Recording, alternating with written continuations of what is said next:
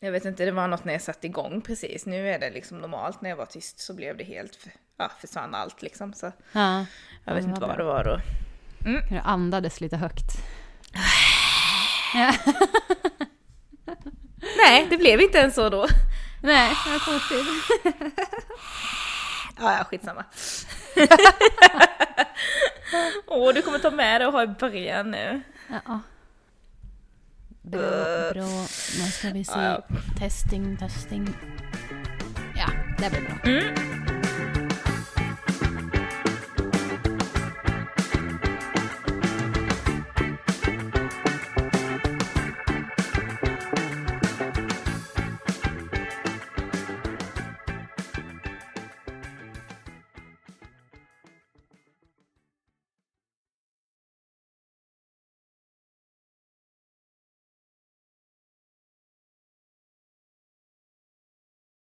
Hallå, hallå! Hallå, hallå. Avsnitt 32 Ja, är det. ja, det Ja. stämmer bra det. Säger jag som låtsas att jag har koll på vilka Ja. avsnitt i ordningen vi brukar ha. Men för en gång skulle vara tvungen nu att gå och kolla innan. Ja men du sa ju igång. så här till mig, är det nog avsnitt 33? Ja sa jag, för jag hade ingen koll. Jag hade fejkade så. Sen var det avsnitt 32. Du var väldigt trovärdig. Ja. Var du. Kan Men det var ja. bra att du inte litade på mig och kollade upp ändå.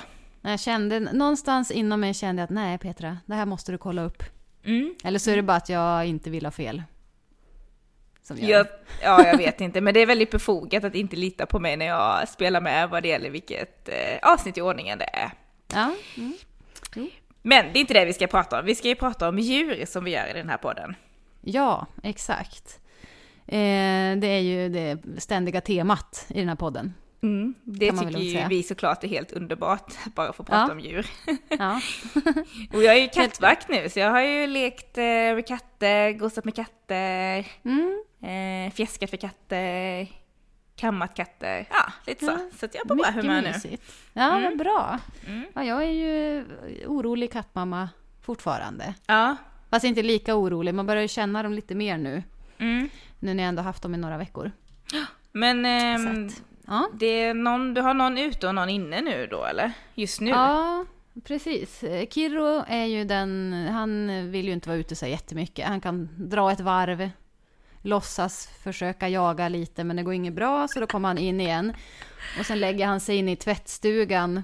För att jag tror, jag vet inte varför riktigt han vill ligga där inne men jag tror att det är för att det är lite extra varmt där inne. Mm. För att baksidan av kylen är där också. Ah. Att det liksom kommer ut varm luft och sen när man eldar så är ju murstocken där. Så det blir extra varmt. Men så då brukar han ligga där inne. liten livsnjutare då. Ja, men han är den som är hårigast. Mm. Ja, han Så borde att, ju eh, inte frysa. Nej, jag vet inte. Men han men kanske är inte fryser, men han kanske gillar värme för det liksom. Det är skillnad. Ja. Han tycker Mm. det är mysigt, så han ligger där och tittar på en när man går förbi. Mm. Men Walter är ju ute nu då. Han har ju blivit en riktig eh, jägare. Mm. Som kommer med möss varje dag. Han är ute. Mm. Men han tar ju inte in dem utan han är är ju ute och äter upp dem då. Mm. Ja, men det är väluppfostrat ändå. Ja, det tycker han. Ja, det har han Mm. förstått. Mm. Men jag brukar ja, titta på honom och se, ja, bra, bra jobbat. Mm. Och sen går jag därifrån för att jag vill inte se när han äter upp. Nej, det är ju inte jättemysigt. Har man sett det någon gång så det räcker. Liksom, Ja, tycker jag. precis. Men han är ju en riktig liten bebis när han kommer in däremot. Mm. När han väl kommer in och speciellt när man ska sova. Alltså han ligger där i ens famn som en liten, ja, som en liten bebis. Och så trycker han sitt lilla huvud mot hakan så här. Mm. Och så ska man klappa. Mm. Då är han liten och gullig. Ja, mysigt. Ja. Jag har ju min katt Ralf här bakom mig, så du ser ju Ja. honom också när vi videochattar. Ja, det var väldigt kul att se Ralf idag. Mm. Ja, fast Ja. han ser ju lika sur ut som vanligt. Men visst, han har bara ett ansiktsuttryck och han är en eh, kudde. Ja. Så att, ja, det kanske inte är så lätt. Nej, men han är fin ändå. ja, och han En fin sitter här i alla fall. Ja, kul med och är lite med på ett support. hörn. Mm. Ja. Men på tal om katter då. Ja. Eh, så har jag ju sett en djurnyhet om eh, en katt. Okej. Ja, det är nämligen världens snyggaste katt som har korats. Är det om Ralf? Nej, det är ju varken Ralf, Walter eller Kirro. Amen. Annars hade man hade ju kunnat tro det, alltså det Eller hade ju inte varit helt orimligt. Nej. Nej, det är Simsan, heter Okej. katten. Mm. Det är en hona, en norsk skogskatt. Och det som är roligast, tycker jag av allt, det är att hon är från Borås. Nej! Jo! En Boråskatt! Ja, kan tänka er att världens snyggaste katt bor i Borås. Det är jättekul. Oj. Ja, så vi får säga grattis till Simsan, Ja. tycker jag. Men är hon söt då? Ja, jättefin Ja. på bild, som jag såg. Jag Hon är hur de... tydligen en väldigt cool katt. Ja. har jag Hur avgör de det? Stod det i artikeln hur man avgör vem som är liksom? Ja, men det gör man ju säkert på pälskvalitet och mått hit och dit. Och... Är ja, sånt, jag vet ja. Mm. inte faktiskt alls, men eh, jag tyckte ändå det var kul att hon kom från Borås av alla ställen. Mm. Så att, ja, grattis till henne. Jag har ju en Eh. nyhet som kanske inte... Får, får jag gå emellan med en? Ja, absolut. Ja. Alltså jag vet inte egentligen om det är en nyhet, men jag såg det på ett klipp eh, från SVT och det är ett klipp från eh, Fråga Lund. Det här eh, programmet med Christian Lok och de har massa experter som man kan fråga saker om. Och jag fastnade väldigt mycket för den här nyheten för att jag kan lite identifiera mig med det. Jag pratar, har nog kanske inte gjort det här i podden, för några gränser har jag med. Som jag tydligen bryter nu då, men jag pratar ju, jag gillar, jag gillar att prata väldigt mycket om eh, hur min mage mår. Ja, precis. Jag menar liksom, ja men sådär, man är gasig eller man behöver gå och bajsa och sånt. Jag tycker inte det ska vara tabu liksom. För att alla gör det. Så den här nyheten då, eh, det är ett videoklipp så jag får läsa texten då. Men själva rubriken är djuren som fiser bort fienden. Insekter kan fisa, fiskar kan fisa. Står det här, ska vi se. Sill fiser på natten. Förmodligen för att hålla koll på vad stimmet är. Ja. Det är någon slags kommunikation. Ormar kan fisa, arten Western Hooknose Snake i USA. Eh, ska se. Fiser med väldigt hög volym för att skrämma bort rovdjur. Mm. Det, de fiser så kraftigt att de lyfter. Det är kraft. Alltså det är kraft i det. Så ja, alltså det här kanske inte är nyheter så, för de som är insatta i den här typen av djur vet ju såklart om det, så jag vet inte om det är nyhet, men det var nyhet för mig och jag tyckte den var väldigt rolig. Ja, det är ju intressant fakta faktiskt. Väldigt så här, Ja. eh, ja, ud- udda fakta. Ja, Man inte Men tänker på så mycket. jag har ju varit med om, eh, man har hängt med hundar och så som fjättar och som det luktar, oh, alltså, där det riktigt stinker och så. Mm. Det har jag ju varit med om, men eh, jag har inte tänkt på att typ sillar och ormar och sånt håller på och Verkligen inte sill. Nej, och Men har ja. det som en funktion liksom, att eh, Ja. man håller på koll på stimmet eller då för eh, fisa bort fienden. Men visst, liksom, ja, någon gång i min ungdom så kan det väl absolut ha varit så att man liksom haft någon kickelfight med någon och hade man, liksom, la man av en fis då, då, då slapp man ju liksom bli kittlad. Ja, men det är Så ju en ganska bra eh, strategi. Ja, det är inte så att den är helt obekant för mig så. Nej, du absolut känner igen dig.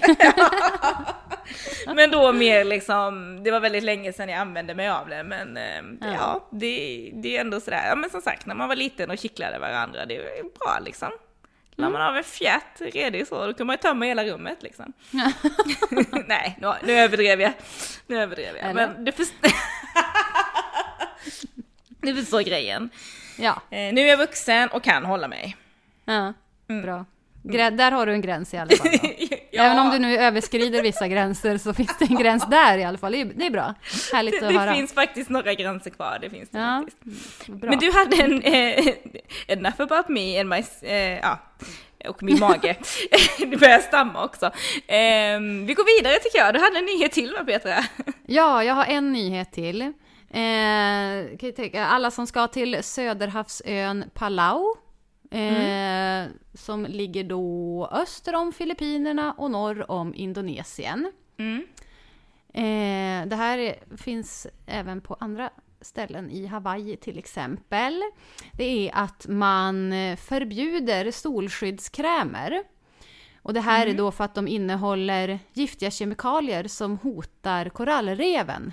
Jaha, Ja, eh, och det här är då en eh, lag som ska förbjuda krämer som förgiftar koraller från och med 2020 kommer den här börja.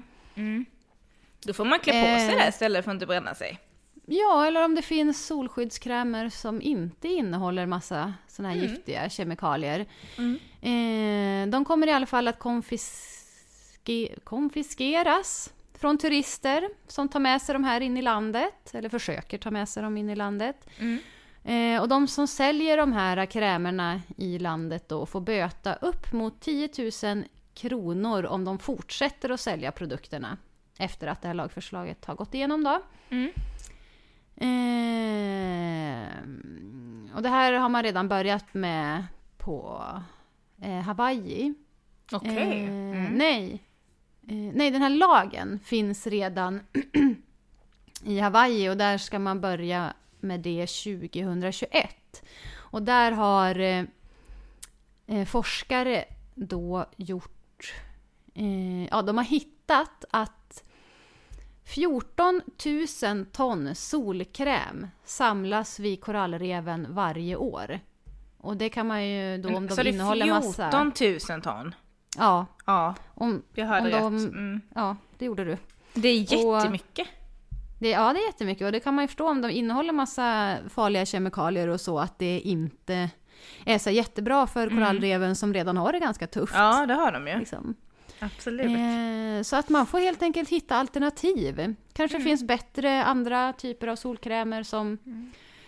som är bättre för miljön. Förmodligen också bättre för oss då, för Mm. huden och sådär. Eller så får man skydda sig på andra sätt. Mycket Ja. saronger och hattar och ja, Det sådär. går ju faktiskt att skydda sig eh, på annat sätt än att smörja in sig Ja, man också. får ligga i Det gör ju skuggan. faktiskt det. Mm. Ja. Och gärna Ja. ha någonting på sig där med. Men det är väl ändå bra att de Precis. gör någonting åt det här. ja, om det är ett stort problem så måste Mm. man ju ta i med hårdhandskarna. Och korallreven behöver nog all hjälp de kan få. Ja, och de är ju väldigt viktiga. Så till eh, avsnittets utflykt. Du har Ja. varit iväg igen. Du är på språng, Ja. alltså verkligen. Från Japan till ett hunddagis. Ja, och det var, alltså det var så mysigt. Jag tänker så här att, det sa jag till Eva också, att jag är ju egentligen kattmänniska, även om jag har väldigt mycket respekt för hundar och allt som hundar kan lära sig och så. Men, alltså, efter att ha varit på hunddagis så tänker jag så här att om jag skulle bli ett djur i mitt nästa liv, om jag då har garanti att få vara på ett hunddagis, alltså, alltså hund hade inte varit fel då. Annars har jag ju tänkt katt, att man går runt och sköter sig själv och ligger och sover mycket och trycker upp sig mot element och varma grejer som, som din kisse. Mm. Men eh, det verkar väldigt, väldigt kul att vara hund på hunddagis alltså. Mm. Eh, så det finns ju många hunddagis. Det jag har varit på ligger här i Göteborg i närheten av eh, Slottsskogen och heter Silvertassens hundcenter. Och då har jag pratat med eh, Eva Lendel som eh, har det här stället. Eh, Silvertassen hundcenter heter det. Mm. Eh, det är ju uppbyggt med hunddagis, dogwalking. Ehm, varför vi tog till dogwalking är för att vi tittar väldigt mycket på våra hundar, vad de har för energi. Att de eh, har snarliknande eh, energier så att de verkligen kan umgås och så att vi även kan ha barnläger här. Då får det inte finnas hundar som eh, vi inte riktigt kan lita på utan vi väljer ju verkligen våra hundar då. Eh, och sen har vi hundpensionat, vi har en butik och sen har vi lite kurser. Och, Kurser för hundar och För hundar. deras ägare då. Mm, Mm. Precis. Så det är lite lydnadskurser då. Mm. Mm. Och vi finns i Slottsskogen, vilket innebär att vi har en otroligt vacker miljö.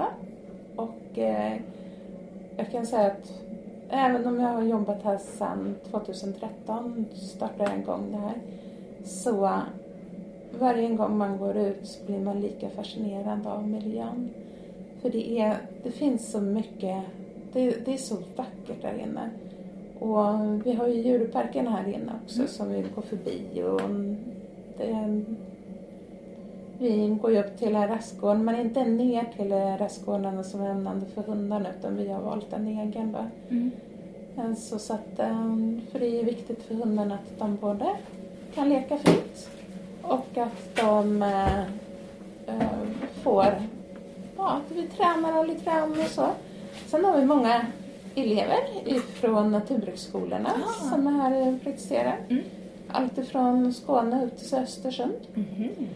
Eh, och eh, genom att vi har det och vi har även från andra skolor och även från de som går hunddagisutbildningar och så.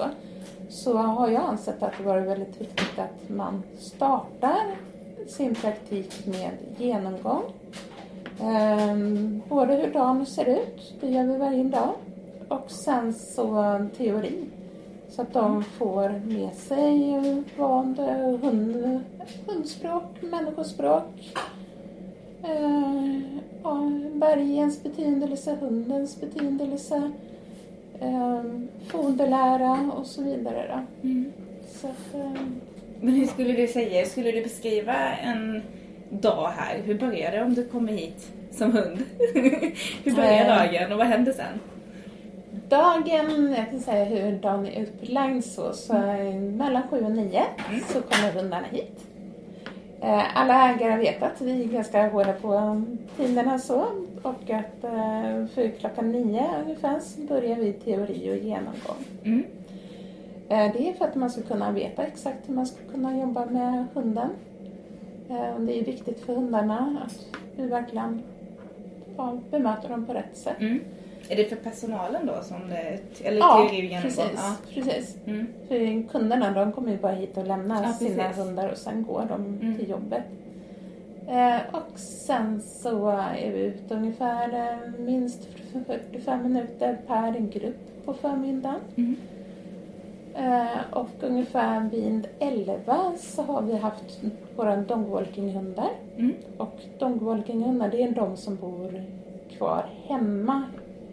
Så vi, vi har ju vissa hundar i- ja, på dogwalking som följer med, som vi går hem och hämtar och som följer med dagis. Så funkar med gruppen Som funkar med gruppen Mm. men som inte riktigt fungerar här inne för Nej. att de har inte riktigt rätt energi. Nej. Där kommer vi tillbaka till energin.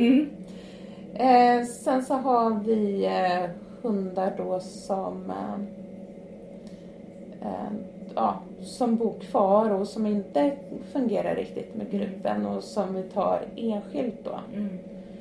Eh, och då rastar man dem i 30 minuter och sen så hittar på lite aktiviteter och så som är anpassat just till den enskilda då. Och sen går vi hem och lämnar den och sen går man till nästa.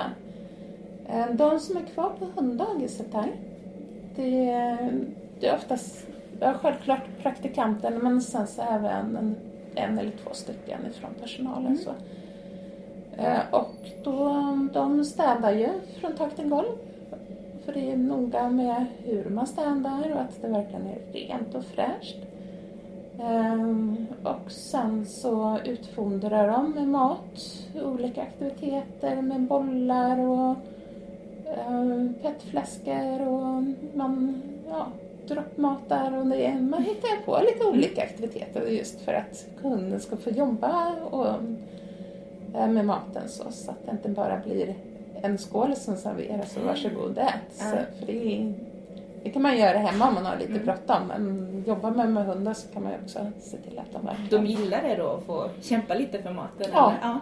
Eh, Vi har ju en hund då som inte äter om vi inte står och kastar maten åt henne. Så då kastar vi en eh, matbit åt gången så här, så Ja. fångar ju hon dem. Ah. Och det är det bästa hon vet. Ja. Och då äter hon. Ja. Men annars äter hon inte. Om man sätter fram en skål till henne så det Då går äter hon inte. Nej. Nej, så att... eh, ja, ja, ja, och det där är ju bara för att vi själva tycker det är lite roligt. Ja. Så att Ja. egentligen skulle man inte behöva men Nej. eh, Men är det, stimulerande för hunden Det också är ju då? stimulerande att få jaga. Jag menar, hundarna kommer ändå från vargen. Mm. Hur lever vargen? Ja, den får ju inte en matskål. Nej, eller hur? Jag har nog aldrig sett det i alla fall. Nej. Eh, och det innebär ju också att men, hundarna tycker det är kul att jaga. Mm.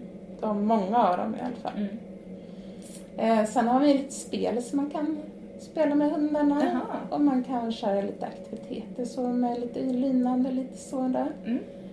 Och sen så um, brukar vi på eftermiddagen då, så startar vi kvart över ett. Så startar vi igång eh, med rastningarna igen. Mm. Och hundarna de ligger och sover bekvämt och så fram till eh, från ungefär halv tolv till kvart över ett. Mm. Och då börjar våra hundpromenader igen. Och eh, vi lägger ju lite kurser ute eftersom vi har elever som tacksamt eh, vill träna hundarna och så. Så att då, eh, då kör vi lite kurs med dem också då. Mm. Elever från... eh, Det är naturbrukssskolorna ofta. Mm. Mm, så att de, de går ju djurvård och då är det ju viktigt att de inte bara sitter i skolbänken utan även att de verkligen får lära sig hos oss eh, Mm. både praktiskt och teoretiskt. Mm. Eh, och sen så eh, när vi har rastat alla hundar så brukar klockan vara halv fyra och eh, då går ju de flesta hem. Och sen så den som är kvar då den tar och städar och sen eh, grejer lite grann med hundarna och myser lite grann med dem och lämnar ut dem sen för då kommer ju hundarna och hämtar. Eller kunderna hämtar. Kunderna kommer på hundarna. Ja. ja. och eh, sen stänger vi klockan 18 då så vi är öppet mellan 7 till 18. Mm. Mm. Så det blir lite mys på schemat också? Ja, eh, det är många elever som, eh, framförallt då eleverna har ju frågat då ifall att de får komma hit då. Mm.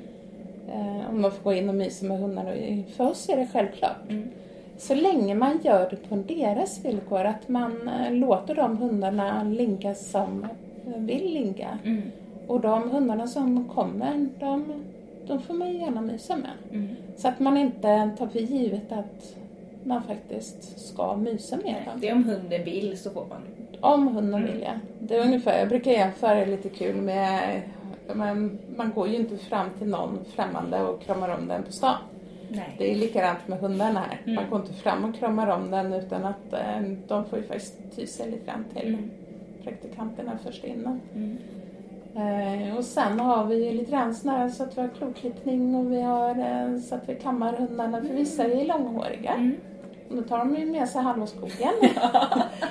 och eh, det är viktigt att de inte sitter där med pinnar i Mm. pälsen och så för då eh, det är inte så skönt. Nej. Så det är ju bra om man tar kammen och Mm. får bort den där. Men det är ju rätt likt ett, ehm, ett dagis för människor också, Det är, rutinerna är Ja. väldigt lika. Jag jobbar ju även på barndagis Mm. någon gång, någon Mm. enstaka gång. Och eh, då så, eh, och rutinerna precis likadana. Mm. Ja. Mm, jag. Alltså, det låter ju väldigt kul att vara hund och få gå på dagis. Det låter ju mycket roligare än att vara hemma, Absolut. tycker Ja. jag. Många, Om jag hade varit hund hade jag velat gå på dagis. många börjar också när de är vid sex månaders ålder. Ja. Eh, vi har ju en gränsen där från att de, de måste vara sex månader Mm. när de börjar då. Och eh, då lär de sig så pass mycket. Eh, de lär sig ju hundspråket. Och, Just vid den åldern då? Ja, överhuvudtaget så. Mm. Men det är klart att är man lite yngre när man börjar påbörja en dagis så har man ju lite lättare för att kunna vara med andra kanske. Mm. När man blir äldre då man vet ju att eh, då kanske man hittat på lite andra fasoner. Men eh, vi, vi försöker att titta på varje hund och se så att de verkligen passar ihop med våra andra så. Mm. Så det är mycket det här du pratar om med energi och så. Det verkar vara väldigt viktigt så att det blir en bra lugn stämning bland hundarna. Så att det blir... Jag tycker det är nästan Ja. Mm. Eh, och jag är väl känd för att vara ganska hård med mina intagningar Mm. just för att jag vill ha en, en så pass bra och jämn grupp som möjligt. Mm. Eh, både för hundarnas skull men sen eftersom jag även jobbar med barn och ungdomar eh, med barneläger och så, så praktikanter så är det väldigt viktigt att vi kan lita på våra hundar Mm. och att vi också kan fungera som och lära ut Mm. till. Eh, Jag kan inte ha- stå och hålla teori om jag har hundar som står och skäller konstant. Utan eh, och jag tycker det är viktigt att alla, att många får reda på hur, eh, hunden fungerar. Mm. För då har man lättare att kunna bemöta hundarna även i samhället ju. Alltså jag tänker på storlekarna på hundar. Är det, är det också allt från väldigt liten hund till... Vi har allt ifrån en liten Yorkshire Mm. till en stor labradoodle. Mm. Och eh, man, man får ju hela tiden tänka på hur man sätter ihop en grupp. Ja. Så att man inte sätter ihop de här minsta ihop med stora hundar. Och framförallt taxarna då som har lite längre rygg, att man är noga där med vilka de umgås med. Mm. Det är några stycken eh, lite mindre hundar, men inte de allra minsta inne hos de stora hundarna. Jag tycker det också är väldigt viktigt att man ser vilka som trivs ihop. Ja. Och att man inte bara går efter storleken utan att man faktiskt går efter hur de fungerar. Mm. Det är ingen som säger att två stycken stora hundar fungerar bättre ihop än vad en liten och en stor gör. Eh, och sen eh, när man går ut med hundarna så, så eh, får man ju...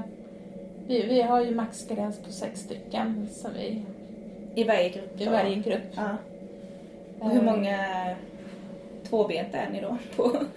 Vi, vi är väldigt, det är väldigt olika Ja. beroende på om det är praktikanter här och så. Men eh, vi är fyra stycken som jobbar här nu. Mm. Och, eh, Utan praktikanter och så, utan Ja, fyra precis. anställda? Och sen så har vi praktikanter då. Mm. Eh, och från början då så får, som praktikant så får man ju lära sig att ta kanske en eller två stycken Ja. Och sen sakteligen bygga upp gruppen Mm. så att den blir större och större. Men eh, vi har ungefär eh, max sex stycken hundar På en person? på en person. Oj, jag tycker jag låter mycket, men det är för att jag är så Nej, oerfaren. är inte mycket. Vissa dagis tar tio hundar. Oj! Och, eh, men vi känner som så att vi tycker att det är viktigt att se varje hund Mm. och se att den verkligen gör ifrån sig. Mm. Och att den, så att man inte liksom missar någon. Eh, Är det som så att hunden inte har kissat när den kommer in här på en dagis, men då får man ta ut den Mm. enskilt då, så får man låta den Mm. på det gatan här och kissa på en det. gräsmatta så Ja. sätter man. Och sen har ju vi en dagrapport Mm. där vi fyller i eh, om hunden har gjort ifrån sig och om den har ätit, om den ska det nu då. Eh, var den har varit, vad, om vi har gjort något speciellt och vilken förare som har tagit den. Just för att ägaren ska kunna se vad som har hänt för hunden under dagen och veta att magen fungerar och så. För det är ja och O att hunden Mm. äter, dricker och gör ifrån sig. Mm. Eh, Det är ju absolut det viktigaste för hunden. Och sen eh, är allt annat bara plus om man hinner träna eller spela spel med Mm. dem eller om man hittar på några aktiviteter så. så, så. Nu blir jag lite nyfiken också på rummen och så. Mm. Och om det finns någon hund kvar. Ska vi gå och kika? ja, gärna! Här har vi men här har vi ingen soffa och det beror ju på att skulle vi ha soffa här och vi har stora öppna fönstren mittemot Mm. så kan det ju bli att hundarna börjar vakta lite grann. Jaha, är det därför väggarna måste vara Eh, eh, en viss höjd och vara- att fönstren ska vara övertäckta? Är det för att de börjar vakta annars eller? Nej, utan det är för att eh, risken är att kunna hoppa över dem. Ja. Mm. Mm. Och sen eh, fönstren ska vara förtäckta tycker Länsstyrelsen för att eh, hundarna inte ska kunna hoppa igenom fönstren. ah, det är så. Mm. Här har vi på ägare. Ja, Så, hej. Vi spelar in eh, lite till en podd om djur. Som heter På tal om djur. Får man ställa några På frågor? tal. På tal om djur. Ja, Om du vill. Ja, du är här för att hämta ut din hund. Jajamän. Ja, Eddie heter han. Han kommer komma här alldeles strax. Som en kanonkula kommer han komma. Trivs han här då? Absolut. Det är, han, vi brukar ta bussen här nedanför. Ja. Då springer han upp för backen för att komma hit. Men han vill ändå gå hem nu? Eller Ja, det han, hör du eh, nästan nu när ja. han skäller till Ja. När vi kommer båda två han kommer ju få eh, våldsam Ja, det är inte alltid som ni är båda. Nej, absolut inte. Ofta är det jag som hämtar. Så. Ja. Hur kommer det sig att ni satte honom på ett hunddagis? Var det självklart för er? Eh, nej, absolut inte självklart när vi skaffade hund. Då var jag så här, det sista vi gör är på hunddagis. För att då tänkte jag att jag skulle ha med honom på jobbet hela tiden. Ja. Men eh, sen så märkte jag att det gick inte att ha med honom på jobbet. Nej, okej. Eh, så då fick jag... Snällt böja ner mig. Ja, men det, ni är nöjda med hur det har blivit här? Ja, ja, herregud, det har varit så bra verkligen. Ja. Eva har ju varit grym också med det här. Det har varit skitroligt. Ja, de verkar ha väldigt kul. Jag har fått höra vad de gör om dagarna nu. Ja. Så det låter roligt. Hej! Ja, det var inte mig du ville se, det ser jag. Hej!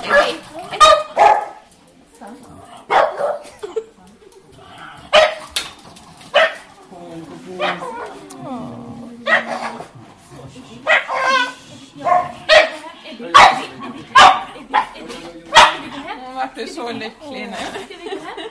Han har opererat sig också precis. Diskbråck. Så han har liksom... Åh. Tack så mycket. Ja, det blir jättebra. Tack för att jag fick prata med er. Ja, ingen Ha det så bra. På tal om djur. På tal om Ja, det finns på Acast och Ja, på podcaster och sånt. Det var roligt. Ja. Ja. Jag känner så här. Igen! Återigen! Ha det bra. Ja, här. Nu väntar ju de på att få hoppa hem här. Hej! Ja, jag var fel person. Mm. Ja. Men det kommer snart. Ja. Snusa. Och här Söta. har de ju sina krokar då. Ja! Då har de ju dagiskoppel och sen så har de eh, hemmakoppel hängande här. Ja. Och så har vi bälten då, men de har ju, genom att de har dagiskoppel så är de ju, kopplarna är anpassade till bältena. Och då har vi grupper som ser ut så här. Och här är bilder på alla hundarna. Ja, så att man ser vilka de är och sen när de är födda, om de har allergier, vad ägarna heter, det tycker jag är jätteviktigt. Så att eh, när ägarna kommer så att man säger deras namn och att för det är lättare att få höra hej Rebecka, vad trevligt att du är här. Istället för hej, vad trevligt att du är här. Mm. Eh, Så att man verkligen bemöter och har en bra service och en bra serviceanda utåt sett så. Att de har olika färger, är det bara slump eller? Det är bara en Ja. slump. Ja, det var. det är inget, tanke Tänk på det. hjärtan så, Ja. så är det ju brist på papper och så hade vi olika och så sa vi det, nej men gud vi kör lite olika blandade färger så. Det var väldigt fint men jag tänkte det kanske är någon, någon kod bakom det här men det var det inte då. Nej, inte alls. Inte alls. Nej.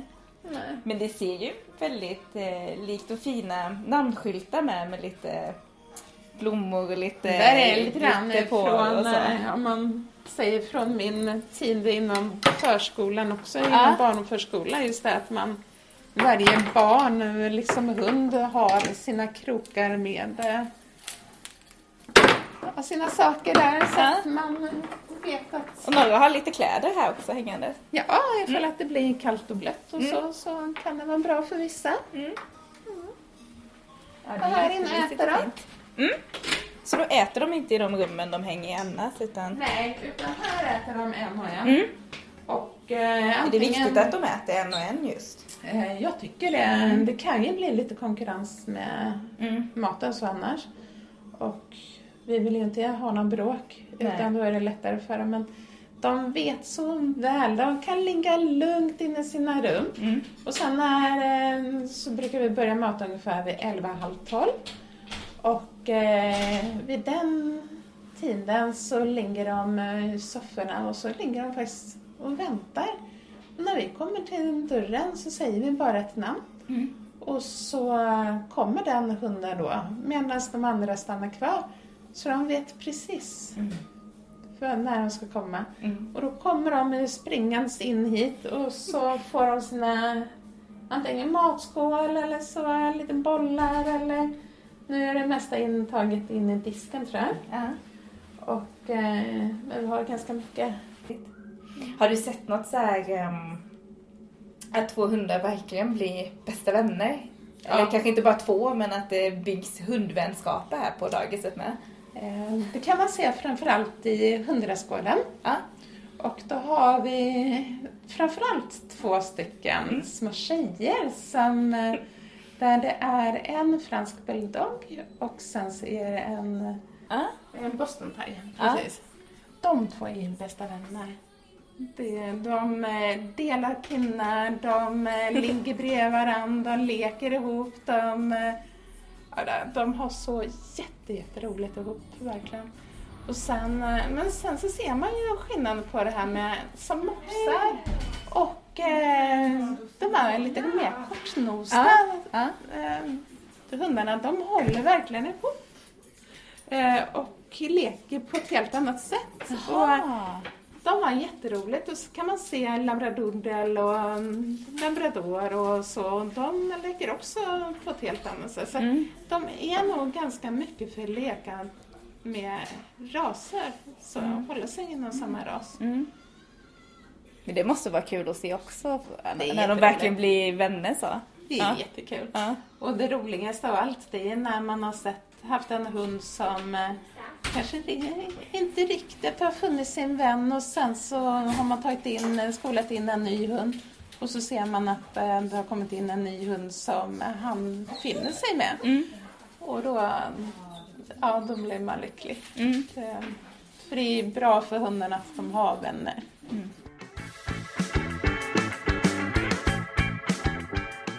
Hur sugen är inte du nu Petra på också att bli hund och hänga med mig på hunddagiset? Alltså det hade varit jättekul. Jag tänker att vi kan vara de här hundarna som blir bästa vänner liksom. Ja, jag kan se oss där, mysigt. gå runt i koppel Det- så och bli bästa Ja. vänner, bästisar. Mm. Det lät jättemysigt. Vilken hund, vilken sorts hund skulle du vilja bli då? Mm. Tål att tänkas på då, om man ska återfödas som hund. Ja, alltså bara rent spontant så tänker jag ju kanske inte en för stor hund eftersom jag är rätt kort som människa. Mm. Så är det jag ju van vid att liksom inte vara jättestor så. Eh, sen så såg ju vi ändå några sådana här ehm, japanska hundar. Är det, är det shibas? Var det det jag pratade om förra Ja, gången? vad heter ja, de det? de är ju jättesöta i alla fall. Jag såg Mm. en sån eh, faktiskt eh, här i Sverige också, så tänkte jag åka till Japan bara för att se det. Det finns ju här också. Ja. Så sett, sett en här, såg tre där, det är inte så jättemycket mer liksom. Men ja, de är ju i lagom storlek och jättesöta. Jag hade gärna velat vara en väldigt gullig hund, måste jag säga. Mm. Du då? Jag hade nog krämat på lite och velat vara en Sankt Bernhard. För att jag har ju alltid gillat båtsman väldigt mycket. Men det är perfekt. Ja, för om Ja. vi ska bli bästisar då så behöver jag kanske en lite större hund som... Ja, nu är ju inte jag speciellt lik. Eh, jag är inte så lik en Sankt Bernhard i verkligheten.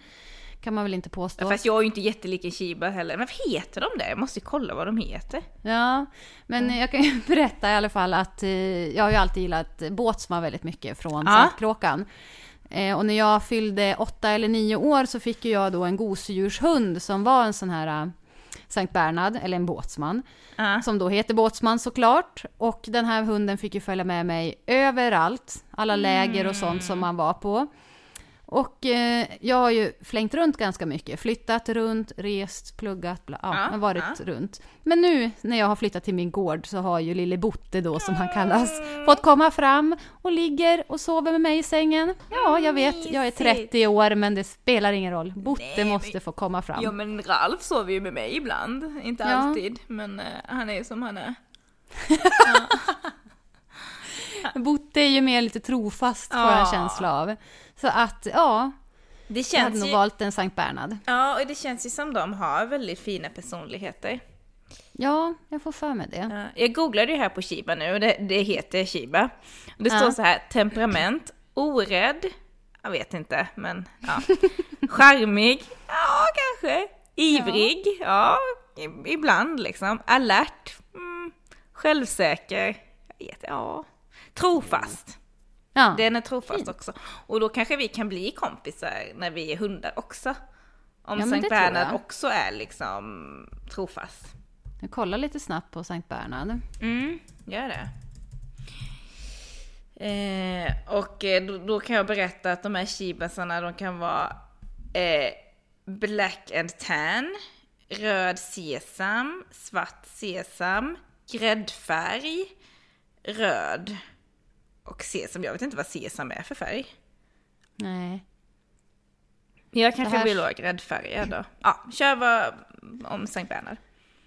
Eh, Sankt Bernhard är en trygg och vänlig sällskapshund, men kan även vara vaksam. Den är livlig för att vara så stor och tung. så stor... ja, jag får jobba på det där med att bli stor och tung känner jag. ja! Ja, men jag tycker i alla fall det lät jättemysigt att vara på hunddagis och det var väldigt kul att de här ägarna tyckte att det var så bra och att deras hund Ah. var så himla glad när de kom och hämtade honom och ja. Ja, det, var, väldigt fint det här med energin och det här att det var så viktigt liksom Mm. och det, det kan man ändå förstå när hon pratar om det att det är så här det ska ju ändå vara en fungerande grupp. Ja, och visst de var ju indelade i mindre grupper, men tänk 36 hundar med dålig energi. Där vill Ja, man inte nej, men- vara liksom. Nej. Det kommer ju vara kaos, tänker jag. Ja. Så att precis. jag förstår att det är väldigt viktigt att ska man ha en sån verksamhet att alla ska trivas. Eh, alla Mm. hundarna, alla ägarna ska känna sig trygga och personalen ska också trivas.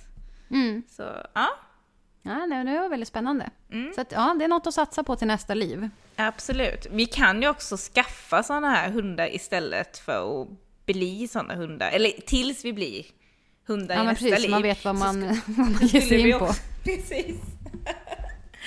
ja, men eh, från det till avsnittets djur tänker jag. Ja, och det är ju inte en hund. det, men det är ju ett djur som jag tror ändå många har stött på vid olika middagar. Typ Sådär. döda. Ja, tyvärr. Det låter ju hemskt att säga. Men det är ju Ja. kräftor vi ska prata om. Ja. Jag åt kräftstjärtar senast bara i förrgår typ. Mm. Ja, det, det är du inte ensam om. Men jag kan ju säga kräftor. Mm. Alltså det som är med kräftan, det är ju att det är ju inte bara ett djur. Vi människor kan ju också vara kräftor. Som stjärntecken. Ja, det är sant. tänkte vi ska gå igenom lite snabbt vad det innebär eller vad det har för egenskaper. Vad har kräftor för egenskaper? Kallade man inte cancer för kräfta innan förr Jo, också? Så det, det finns många betydelser. Mm. Ja, men jag tänkte jag gå på det mänskliga och Ja, det gör du eh, helt djuret, kräftan. Men som stjärntecken då, så ska man då vara vårdande, kontakt med sina känslor. Eh, det är ett moderligt stjärntecken. Okej. Eh, där familjen är viktig. Man är liksom hård på utsidan men varm och mjuk på insidan. Mm. Man är ju då född mellan 21 juni till 22 juli. Mm. Eh, mottot för det här stjärntecknet är “Jag känner”. Okej. Eh, och stjärnbilden, om man nu ska försöka se den uppe, om det är en klar eh, natt någon gång, så ser den ungefär ut som ett eh, upp och nervänt Y. Okej. Men det är ju skitsvårt när man tittar upp och bara ja. Man Ja. kan ju försöka luska sig till ett upp och nervänt Y lite varstans. Så det är lite svårt att hitta det kanske sådär. Men för ett tränat öga så ja, kan det gå. Då vet man i alla fall att det ser ut så. Jag ser inga stjärnor. Titta du. Nej. Får gå ut och ställa det sen. Mm. Eh, men i alla fall om vi går till kräftdjur. Mm. så är det en understam av leddjur. Eh, och det är väldigt stor variation på, de här, på den här gruppen av djur. Eh, omfattar runt 70 000 arter. Det är ganska mycket. Oj! 70 000! Alltså alla siffror du säger idag Petra får jag upprepa för att det är så himla Ja, det är sån, mycket. ja, det är enorma 70 siffror. 000, ja det är jätte, jättemycket. Mm. Ja. Eh, men de flesta är ju vattenlevande. Eh, men det finns även de som lever på land. Eh, men man, de behöver ändå tillgång till vatten på ett eller annat sätt. Även om det är fukt, liksom, eller små pölar eller någonting. Så Mm. De vill ändå ha vatten. Eh, men det som är grejen med kräftdjur är att de saknar gift. Vilket andra leddjur har. Så just de här kräftdjuren ja, är giftfria. Mm. Ehm, och eh, de lever ju på väldigt olika sätt eftersom de är så himla många. Så är det inte så konstigt. Ehm, till exempel krill. Som då är ett kräftdjur. De lever ju i stim. Är Jättestora det de här stim. små? Ja, de är väl nästan som lite räkaktiga. Ja. Eh, och lever ju i så miljoner i stora stim som valar äter upp sen. Mm, just det, det Eh. är. Mm. Andra sitter ju fast, kanske i något rev då någonstans och rör sig inte överhuvudtaget. Till exempel så havstulpaner och sånt räknas tydligen också till kräftdjur. Mm. Gråsuggor räknas till kräftdjur. Jaha. Ja, de Du, har man ju du förstår, sett. det är väldigt, väldigt stor Mm. Skillnad på de här. Ja. Eh, ja, andra lever helt ensamma på botten och i rev och sådär. Och det är egentligen ganska mänskligt att man liksom lever på olika sätt. Det gör ju vi också. Vi har olika sätt vi vill leva på. Eh, men jag måste bara gå in på, det här är, det är alltid så här när man läser om olika djur, att det är så här, den och den understammen till den och den familjen indelat i undergrupper. Alltså, Ja. det kan vara lite svårt att led, reda ut. Mm. Ehm, Speciellt om man har 70 000 och... Ja, exakt. Men nu- fastnade jag för ett leddjur då, som inte Ja. är ett krä- kräftdjur, men jag var tvungen att ta upp det ändå. Ja. Alltså det största leddjuret är en japansk spindelkrabba. En krabba tycker jag låter som en form av kräftdjur, men det är det Eller, tydligen ja. inte. Nej, okej. Mm. Eh, det inte just den här japanska spindelkrabban i alla fall. Men det som är spännande med den är att den kan bli, nu kommer de här enorma siffrorna igen. Den kan bli nästan fyra meter lång mellan klo, alltså klospets till klospets. Om den skulle lägga sig och liksom lägga sig och sträcka ut bena så blir den alltså fyra meter lång däremellan. Nej men alltså på riktigt. Ja, det är helt sinnessjukt när man tänker på det. Ja, det tror jag redan har Eh. varit i Japan, man inte vågat åka dit igen. jag skojar. Nej, men, det alltså, som är bra med det de är här- så stort så att man kan inte ens greppa, alltså nu kollar jag här i rummet liksom, alltså. Ja, nej, men det är helt jättestort. Ja. Och den ser ju ändå ut typ som en, ja, en krabba liksom, Ja, på något ja. vis. Eh, kroppen på hanar kan bli 30 cm bred och 40 cm lång. Vänta nu, en gång till. 30 cm bred Ja. och 40 cm lång. Det är ganska mycket kropp. Ja, mm. Och så med de här jättelånga benen då. Men vi kan vara ganska lugna ändå, för de lever på 600 till 300-400 meters djup. Oj, okej. Så att ja. de är ju långt ner. Så jag, alltså så jag kommer ju aldrig dyka i hela mitt dem, liv. Liksom. Nej, nej. Jag, jag kommer aldrig vara på så djupt vatten. De kan bli cirka 100 år gamla. Oj! Ja, i Eh, och för sig ska man växa Så jag tyckte ändå det var intressant att ta upp det. Logiskt. Ja. Eh, men om vi ska gå in på de här kräftorna som vi är vana då. Ja. Det är väl oftast de som man ser på kräftskivan. Mm. Eller Ja. när man äter såna här havskräftor. Ja, precis. Eh, de är i alla fall sötvattenlevande kräftdjur. Eh, och tillsammans med humrar och krabbor så är de de största kräftdjuren. Men just den här japanska spindelkrabban var ju tydligen inte, ja men ni fattar, ibland orkar man inte riktigt reda ut det här. Vilken undergrupp och ja, familj Ja. allting tillhör. Ehm, Ja, som sagt så är det ju mycket kräftskivor, det är ju där man stöter på dem kanske mest. Ja. Eh, och man har då hittat kokboksrecept från medeltiden i Europa på Oj. hur man tillagar kräftor. Mm. Så det, Det har varit bak. mat för oss väldigt, väldigt länge. Mm. Eh, de har ju då ett hårt skal med en stjärt som är lite rörlig, klor, spröt och så svarta ögon som eh, pepparkorn. Mm. Så blir de ju röda då när man kokar dem. Vad är de innan då? Ja, då är de ju lite mer brun Ja, det är de, ja. liksom. Det har jag Ja. nog sett. Ja. Så att de smälter ju in mer med botten på Mm. ja, där de hänger. Eh, de har fem par gångben. Men det första paret gångben har de som gripklor då. Mm. Mm. Så de går de ju inte med. Eh, undersidan av stjärten har små simfötter. Och kräftor går framlänges men de simmar baklänges. Alltså, och sprätter de till med stjärten och bara zoom, åker kul. iväg. Ja, Ja. jag har kollat på när humrar simmar och det går fort alltså. Ja. Ja. Det bara sprätter till och sen är de borta. Sjukt att man Ja. går åt ett håll och simmar åt ett annat liksom. Det är jättehäftigt. Ja. Ja, verkligen. Ehm, men sen så sa ju du i förra avsnittet att du trodde, eller du hade vetat en gång i alla fall hur man såg skillnad på hanar och honor. ja. Jag vet inte om du kommer ihåg det nu? Ska Eh, jag- Alltså man ska kolla, man ska vända på dem och så ska man kolla på de här små...